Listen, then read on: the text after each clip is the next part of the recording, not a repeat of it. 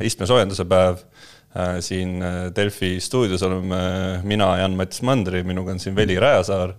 ja kes siis veel ei tea, mis istmesoojendus tähendab, siis see on meie autosaade, mida me siin ikka usinalt iga nädal teeme me hakkame siin kohe autouudistega pihta ja räägime sellisest asjast nagu muudatused Volkswagen Grupis alustuseks. tegelikult me oleme ka varem juba põgusalt maininud väga paljusid asju, mis siin nüüd kinnitatud või ümber lükatud said. niisugused vangerdused, jah. et noh, siin sai varasemates saadetes räägitud sellest, et Lamborghini ja Ducati ilmselt kolitakse ära kuhu ei ole kindel, äh, oli ka mingisugust juttu sellest, et võib-olla need äh, lähevad üldse müüki. Äh, tegelikult need jäävad ikkagi nüüd Volkswagen Gruppi, siin nõukogu tegi oma otsuse ära ja Bugatti, millest on ka räägitud palju, et see ilmselt müüakse maha, siis selle kohta ka noh, ütleme selline krüptiline sõnum anti, et ühtegi lubadust ei antud ja, ja see ilmselt tähendab ka seda, et Bugatti müüakse maha noh, algselt see plaan oli see jah, et ta läheb äh, Rimačile äh,, Horvaatia siin elektriliste superautode tootjale. ja siis vastutasuks äh, saab Porsche Rimačis suure osaluse, et siis, osaluse, et siis oma neid äh, elektriauto arendusi edasi toimetada juba siis äh, kohas, kus infra on parem, teadmised on paremad, spetsialistid on paremad. ja ka visiooni poolest said nüüd mõned asjad kinnitatud, et äh, siin äh, see elektromobiilsuse ja digitaliseerituse suund, mida Volkswagen siin niimoodi äh, jõudumööda ajanud on, äh, sai ka nüüd päris nõukogupoolse kinnituse ja see on nüüd siis ametlik suund tervele Volkswagen Grupile, mitte ainult Volkswagenile ega mõnele alabrändile, ühesõnaga elektriautosid äh, hakkab ikkagi tulema, tahame me seda või mitte ja, ja tervelt Volkswagen Grupilt siis. jah, isegi Bentley, mida me siin põgusalt mainisime, oli ju nüüd, ma ei tea, kas kuu aega tagasi saime vist äh,, kirjutasingi, et äh, Bentley ka ju kinnitas, et kaks tuhat kakskümmend kuus nad äh, keskenduvad juba hübriidsõidukitele ja aastaks kaks tuhat kolmkümmend hakkab ka Bentley tegema ainult täiselektrilisi autosid. vähemasti praeguse plaani kohaselt, et nüüd Bentley vist äh, läks siis Audi alla üldse, Audi hallata kui nüüd seda teavit-, seda teadet vaadata. just, et Bentley liigub siis Audi alluvusse ja tulevikus see tähendab seda, et äh, Audi tippmudelid ja, ja Bentley'd jagavad siis äh, üha rohkem tehnoloogiat, et on nagu keerulisem äh, nende kahe vahel vahet teha. üks asi, mida võib-olla siin tasuks veel mainida, puudutab Volkswageni legendaarset tehast Wolfsburgis ja see tehas muutub nüüd sisuliselt selleks juht ajuks, kus hakatakse tegema just neid elektriautosid. et, et see Wolfsburgi legendaarne tehas saab elektriautode tehaseks nüüd ja loomulikult oli seal veel terve hunnik äh, igasugu väiksemaid detaile, mis puudutab juhtide liikumist erinevatest osakondadest erinevatesse osakondadesse. see oli jah huvitav, et see, see on äh, Volkswageni tegevjuhi Herbert Diessi nägemus, mis sai kinnitust, aga Diessi lepingut ei ole veel pikendatud. jah, et ainuke asi, mis kinnitamata jäi, sisuliselt kõik need ülejäänud mm -hmm. asjad olid ju enne teada, vähemalt mingisuguste kuulujuttude tasemel ja. või oli aru saada, et asjad sellises suunas liiguvad. Et see oli ka Herbert Jessi selline suurem visioon. visioon sai kinnituse, aga see, et Herbert Jess ise seal ettevõttes jätkab, see veel kinnitust ei saanud, et see oleks muidugi huvitav teada, et mis see, mis see seal selle taga on Äh, kui me siin juba elektriautodega ja elektrifitseerimisega otsa lahti tegime, siis äh, ka Subaru äh, on nüüd seda teed astumas ja viimastes saadetes on nagu mulle tundub, et see on mingi kandev sõnum kogu selles, kogu mingi viimase paari kuu jooksul, et mm -hmm. kõik autod lähiajal muutuvad elektriautodeks, et see on tegelikult muutub juba suht tüütuks aga aga mis sa teed? Äh, Toyota ja Subaru on tegelikult pikemat aega juba omavahel äh, loonud sellist ühisplatvormi, mille nimi on e-DNGA. ja kui sellest äh, Toyota konkreetsest autost, Toyota BZ on siis juba räägitud, et see tuleb siin kahe tuhande kahekümnendate aastate esimeses pooles, siis täpselt sama asi on selle Subaruga ja, ja see on huvitav platvorm iseenesest, et sinna saab ehitada väga palju igasuguseid erinevaid autosid. Mhm, ja ta on elektriauto spetsiifiline. jah, et äh, erinevaid elektriautosid on räägitud, linnamaasturitest on räägitud, et sinna saab isegi sedaani teha, sinna saab teha esiveolisi autosid mm -hmm., nelikveolisi autosid, sisuliselt mida iganes, on ju jah, ja noh, kuna jah, Subaru ja Toyota on siin teinud juba mitu autot koos, on ju, nüüd juba teist põlvkonda teevad äh, oma Toyobaru BRZ kaheksakümmend kuute koos, siis äh, on jah see, et vist oli seitsmes detsember, kui saadeti see kinnitus, et, et Toyota tuleb oma elektrilise linnamaasturiga välja ja nüüd siis jah, ma vist saingi selle pressika kas eile äkki või, et, et Subarul samamoodi on see analoog plaanis, et see on, see on, seda tasub vaadata tõesti umbes täpselt samamoodi nagu aastal kaks tuhat kaksteist, kolmteist, kui tulid BRZ ja GT kaheksakümmend kuus. Tuleb, tuleb, tuleb, tulevad päris suured autod tegelikult, et seal Subaru pressikas oli ka mainitud seda, et see on enam-vähem äh, Äh, suuruselt võrdne Subaru Foresteriga, mis iseenesest ei ole mingi väike auto, et kui me siin ikkagi mm -hmm. elektriautosid vaatame, siis valdavalt nad on pigem tehtud väiksed, võib-olla väiksemad äh, aga, aga Forester on ikkagi elektriauto mõistes suhteliselt suur auto. ja see BZ ilmselt on enam-vähem sama suur, nii et äh, selles mõttes on huvitav ja noh, esimene Subaru hübriid ju käis hiljuti ka just meelt läbi, see e Foresteri mm -hmm. e-Boxer on ju, et selles mõttes huvitav teada, et taas üks äh, tootja on seda teed minemas ja, ja. ja no ega siin üllatavat selle juures nagu tegelikult midagi ei ole, et tõsi ta on, et äh, vahepeal tuleb toredaid asju nagu äh, noh, toredaid proovikaid mingeid sportlikumaid masinaid ikka ja nii, aga natukene jah, sihuke korduv või ütleme, katkine grammofon natukene nende elektriautode osas, et muudkui kõik tootjad tulevad jälle, ütlevad mingi aastanumbri ja siis mingi protsendi, mis selle, selleks aastanumbriks elektriautode hulk saab olema. ja siis noh see on, see ei ole enam nagu tegelikult midagi uut, et kõik seda teed üritavad minna ja sinna jõhkralt panustavad. et, et et jah, et järgmine uudis meil ju läheb ka elektriautode. no ega meil siin see, see katkine grammofon täna nagu jätkab lihtsalt käimist. ja täna hommikul äh, kell üheksa äh, ehk siis äh, viisteist detsember kell üheksa avati elektriautode see toetusvoor Keskkonnainvesteeringute Keskuse poolne ja see läks täpselt kolmkümmend minutit, kui kõik see raha, mis seal välja oli käidud, äh, oli ka ära lubatud. ja see minu arust äh, näitab äh, kogu see taust, mis me siin nüüd oleme rääkinud ja, ja see, mis olukord nende elektriautode toetustega on, näitab, et inimesed ikkagi tahavad sellest maksimumi võtta. ja mm -hmm. igal aastal on need toetused läinud üha kiiremini kaubaks, on ju, et kui siin eelmisel aastal läks vist mingi paar tundi mm -hmm. või eelmise, eelmise vooruga on ju, siis nüüd seekord juba pool tundi yeah.. järgmine kord ilmselt kümme minutit. no ju see, et sa saad need taotlused ka vist seal keskkonnas ette valmis teha ja siis pead ta lihtsalt, kui voor mm -hmm. lahti tehakse, siis ta ära saatma, on ju et see muidugi need, selle võimaluse, ma ei teagi, kui mitu vooru see võimalus on olnud, kas see on algusest peale olnud? vot selles suhtes ma jään ka äh, vastuse võrgu, ma tean, Ülle ju katsetas ja. seda reaalselt ka, aga ma ise. ja kusagilt Acceleristast leiab jah pikema loo selle kohta. ei ole ka niimoodi proovinud. Natuke räägin sellest toetusest ka siis üldisemalt, et kes siis ei tea, siis maksimaalselt sai viis tuhat eurot ühe auto kohta ja see eeldus oli see, et see auto maksab alla viiekümne tuhande Äh, pluss käibemaks ja, ja et sellega sõidetakse nelja aasta jooksul vähemalt kaheksakümmend tuhat kilomeetrit. Ja lisatingimus on veel see, et see auto omanik peab siis andma Keskkonnainvesteeringute Keskusele pidevalt aru, et kui palju ta sellega sõitnud on ja selleks siis paigaldatakse kas sõidumeerik või siis ongi mingisugune selline stabiilne raporteerimine nendele. et äh, selles mõttes huvitav Äh, nüüd me kuulame ühe sponsori kõlli ja siis äh, räägime ka ühest autost, mis selle toetusvooru võib-olla isegi mingisugune. võib-olla must... keegi isegi võttis jah must hobune võiks olla Inchcape Motors Estonia on rahvusvahelisse kontserni kuuluv sõidukite jaemüüja, mis esindab Eestis Mazda, Jaguari, Land Roveri, BMW ja Mini brändi ja on ka sõltumatu Volvo teenindus. Inchcape'i esindustes saab tutvuda alati kõige uuemate mudelitega ning head nõu meie professionaalselt müügimeeskonnalt. Samuti teostame kiiresti ja kvaliteetselt sõidukite hooldus- ja remonttöid. esindussalongid asuvad Peetri alevikus, Läiketee kolmkümmend kaheksa ja Haaberstis Paldiski maantee sada kaheksa. detsembri lõpuni on Inchcape'il ka suurepärased pakkumised hästi varustatud laoautodele. vaata kohe lähemalt inchcape.ee, sest autosid on piiratud koguses Nonii äh,, väga põhjalikult saime teada Inchcape'i kohta igatahes nüüd ja Inchcape'ist me ka selle Mazda MX-30 elektriauto saime, millega me siin nädalavahetusel proovisõitu tegime.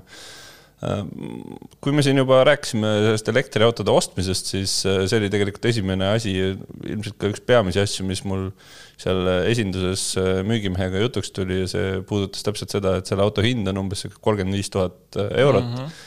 ja nende lootus oli see, et äh, kui koos selle meetmega seda müüa, siis äh, see tähendakski kliendi jaoks seda, et kahekümne üheksa tuhande euroga umbes saaks võtmed kätte mis äh, iseenesest ei ole. on isegi täitsa nagu konkurentsivõimeline jah, aga siis ongi see küsimus, et mis selle raha eest saab võrreldes teiste sama hinnaklassi sisepõlemismootoriga autodega hetkel või hübriididega näiteks, kui vaadata mujale toot, teiste tootjate poole. no vot, ja see on tegelikult ka küsimus, mis äh, meile ka Facebookis esitati, meie Facebooki lehel istmesoojendus, siis äh, natukene seal muutuski aruteluks sel teemal, et mis mis mis selle hinna eest siis saab, on ju. Mhm. ja, ja me sõitsime siis first edition mudeliga sellest, ehk siis kõige tavalisemaga nendest varustusklassidest.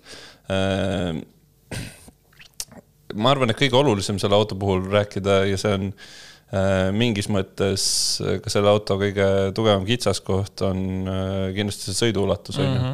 Et kui me räägime siin kahesaja kilomeetrisest sõiduulatusest, mis on nii-öelda paberite järgi siis mis me seal reaalsuses kätte saime, mingisugune sada, sada nelikümmend ühe laadimisega. midagi sarnast vist jah, et kui ma sult selle auto võtsin, ta oli enne vist nelikümmend protsenti aku äkki ja ma sõitsin ära mingisugune mis ta, mis ta ütles selle neljakümne protsendi aku pealt sõiduulatuseks? mingi kuuskümmend kilomeetrit vist. jah, ja ma sõitsin ära mingisugune nelikümmend ja kusagil seal läks isegi veel kümme kilomeetrit lubatud ulatust kaotsi et sihuke suhteliselt, nojah, muidugi talvine aeg, võtame seda arvesse, on ju, et jah, tõsi, ma kuulasin muusikat, ma kasutasin konditsioneeri, ma kasutasin istmesoojendust. et ma ei hoidnud seal millegagi tagasi, mis seda sõiduulatust nagu kasvatada võiks.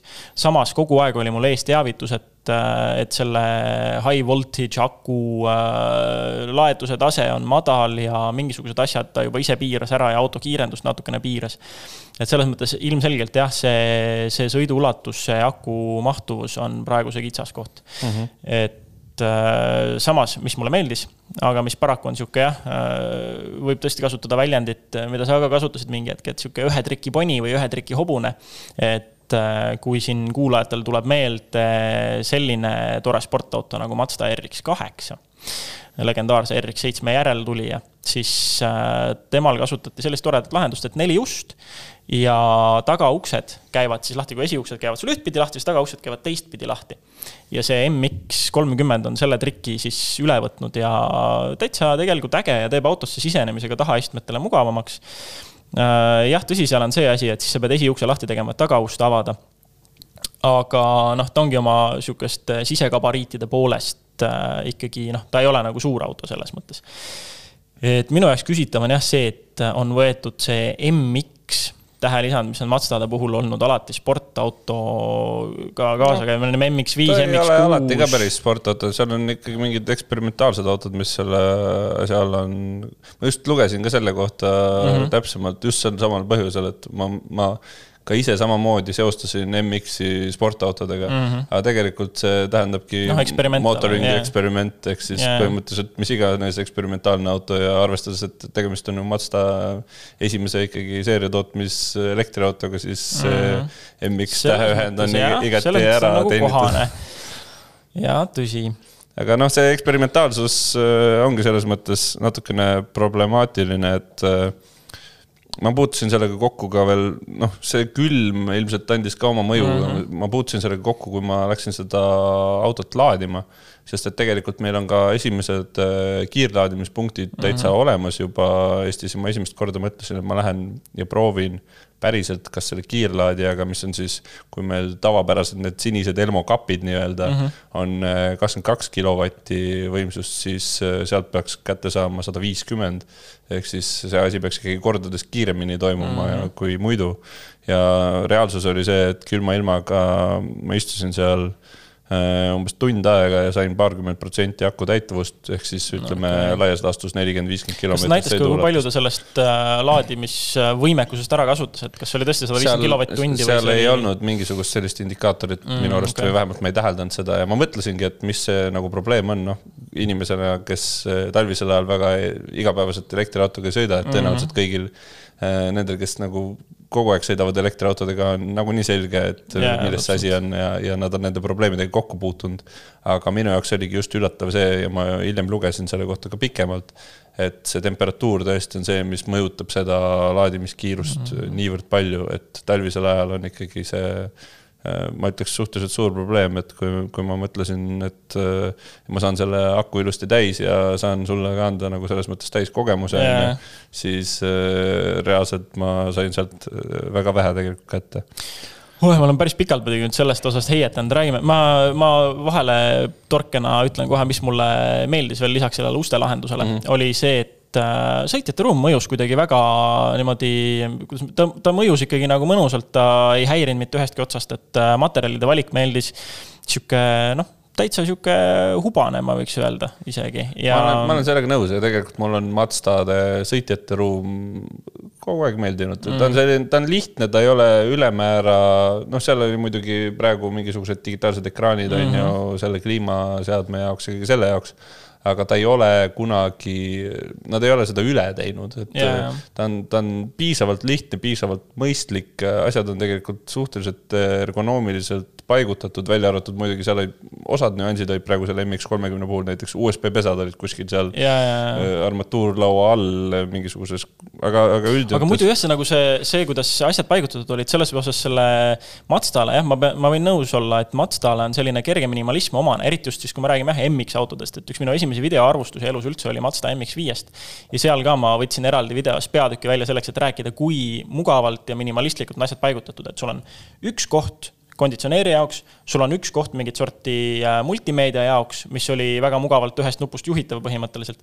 ja siis sul on üks plokk rooli kõrval, kust sa kontrollid äh, erinevaid juhi abilisi ja saad välja lülitada mingeid funktsioone ja siis mõned nupud rooli peal mm. -hmm. ja tegelikult sul on nagu väga mugavalt kolm plokki pluss rool mm. -hmm. et sellel autol tegelikult samamoodi suhteliselt, et rooli peal ka kõik need äh, põhimõtteliselt siis raadio juhtimiseks, lugude vahetamiseks ja telefonikõne vastuvõtmiseks mingi häälkäskluste asi -hmm. vist ka, et et, selline lihtne ja arusaadav ja hästi mugavalt ära paigutatud erinevatesse plokkidesse, mitte liialt paljude nuppudega, mitte liialt paljude segadusse ajavate elementidega, et selle koha pealt seda Äh, mis on see tore sõna siis, sihuke interface või äh, ütleme siis jah, et kõik need vajalikud nupud ja paneelid ja asjad on hästi mugavalt paigutatud. ja noh, sa rooli juba mainisid ja ma pean selle ära markeerima, ma olen seda varem ka öelnud, et ma arvan, et äh, Mazda rool on üks kõige selliseid elegantsemaid ja mm., ja lihtsamaid roole, mulle ei meeldi näiteks need kobakad roolid, kus on sada yeah. nuppu ja, ja siis kõik see, noh, ta on käepärane, ta on mm -hmm. samal ajal nagu äh, Äh,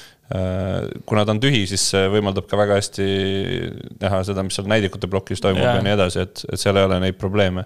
et see mulle, mulle ka meeldib ja, ja sees mulle meeldis ka. Äh, sõidust äh, võib-olla nii palju, minu arust oli vedrustus ootamatult jäik sellise auto kohta, et ma ei oleks seda oodanud mingites tingimustes, see andis nagu tunda mm see on muidugi maitse küsimus, et kellele meeldib jäigem vedrustus, kellele ei meeldi, ma isiklikult pigem eelistan seda, aga kindlasti on inimesi, kellele see on yeah. halb üllatus, arvestades, et tegemist on ikkagi selline, sellise maasturilaadse yeah. asjaga, on ju, et äh, aga ma isegi märgan, mul on neid lamakaid küll koduläheduses ja ei, ei häirinud otseselt nagu midagi. samas äh, see vedrustuse käitumine mõnikord annab palju paremini tunda, kui noh, üks asi on see, kui sa lähed nagu kaks ratast korraga sealt üle mm., teine on see, kui sa lähed kuidagi diagonaalis üle mm. mingist takistusest, et äh, et ma läksin sealt hästi sirgelt üle ja ei tundnud nagu mingisugust no,. see oli lihtsalt minu tunnetuslik küsimus. aga kindlasti. mis on huvitav, on see, et sõidurežiime ei, ei, nagu ei olegi midagi, mida vahetada. et mm -hmm. kõik on kogu aeg üks äh, konkreetne ja, ja ei olegi midagi, mida seal nagu näppida saaks, samamoodi ka elektroonilist äh, stabiilsuskontrolli ja veojõukontrolli ei saa maha võtta mm. -hmm. et äh, sellised ähm, noh, ühesõnaga seal sõidukogemust kuidagi, kuidagi käigu pealt kohandada endale sobivaks väga ei saa mm -hmm.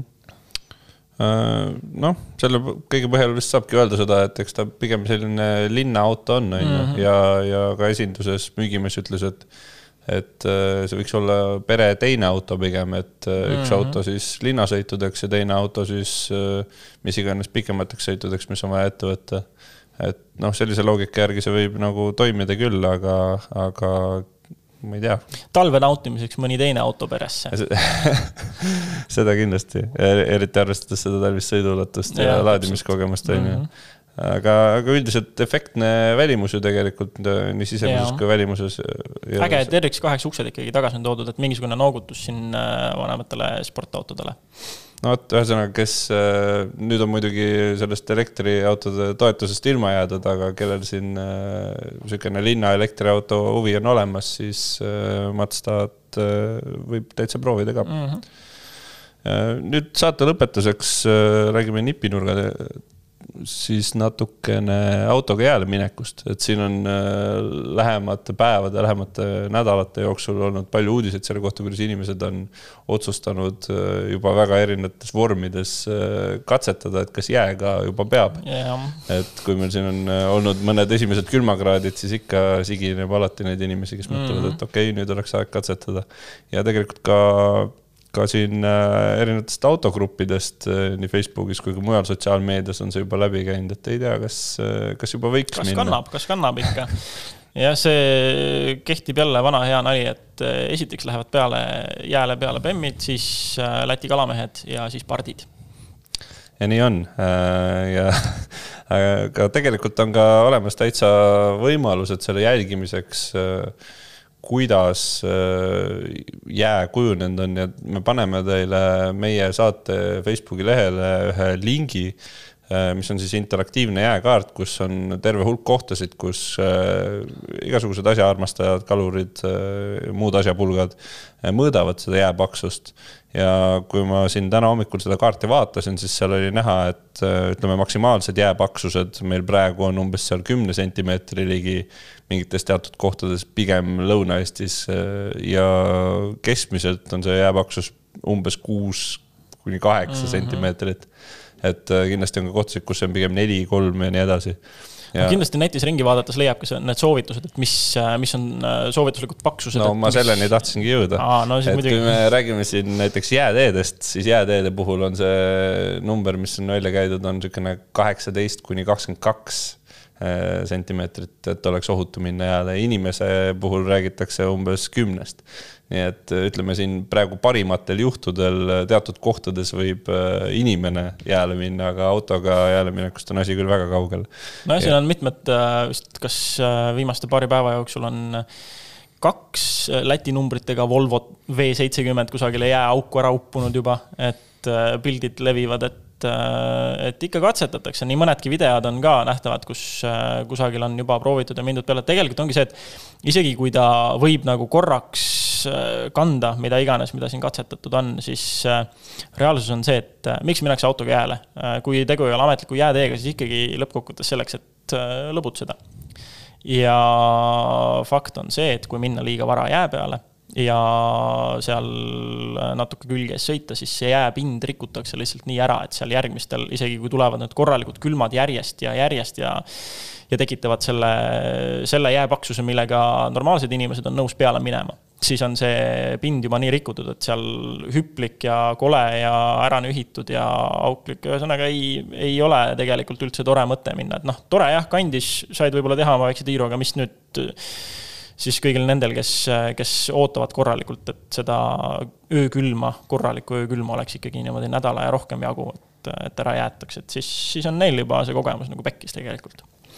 Üks asi veel, mis tuleks kindlasti ära markeerida, on see, kuna siin on igal aastal üllatusi olnud selle koha pealt, siis kui sa oma autoga, millel on kaskokindlustus, käid jääl ja vajud sealt läbi ja see ei ole ametlik jäätee, siis äh, suure tõenäosusega see kindlustus ei kata sul mitte midagi ja kõik, tuleb see lugeda koolirahaks, jah. jah, et äh, kõik, äh, loodetavasti on siis säästud olemas, eriti kui praegusel ajal minna, et ka PPA on siin hoiatanud, et nii inimesed kui ka autod võiks ikka praegu jäält hoolsasti eemal hoida et äh, selline soovitus ka siis äh, meie poolt sel nädalal ja nagu ma ütlesin, siis äh, meie Facebooki lehele võite minna, paneme sinna selle lingi, kus saate silma peal hoida ja, ja pöidlad pihus juba oodata, et ehk muutub see jää lähiajal siin paksemaks.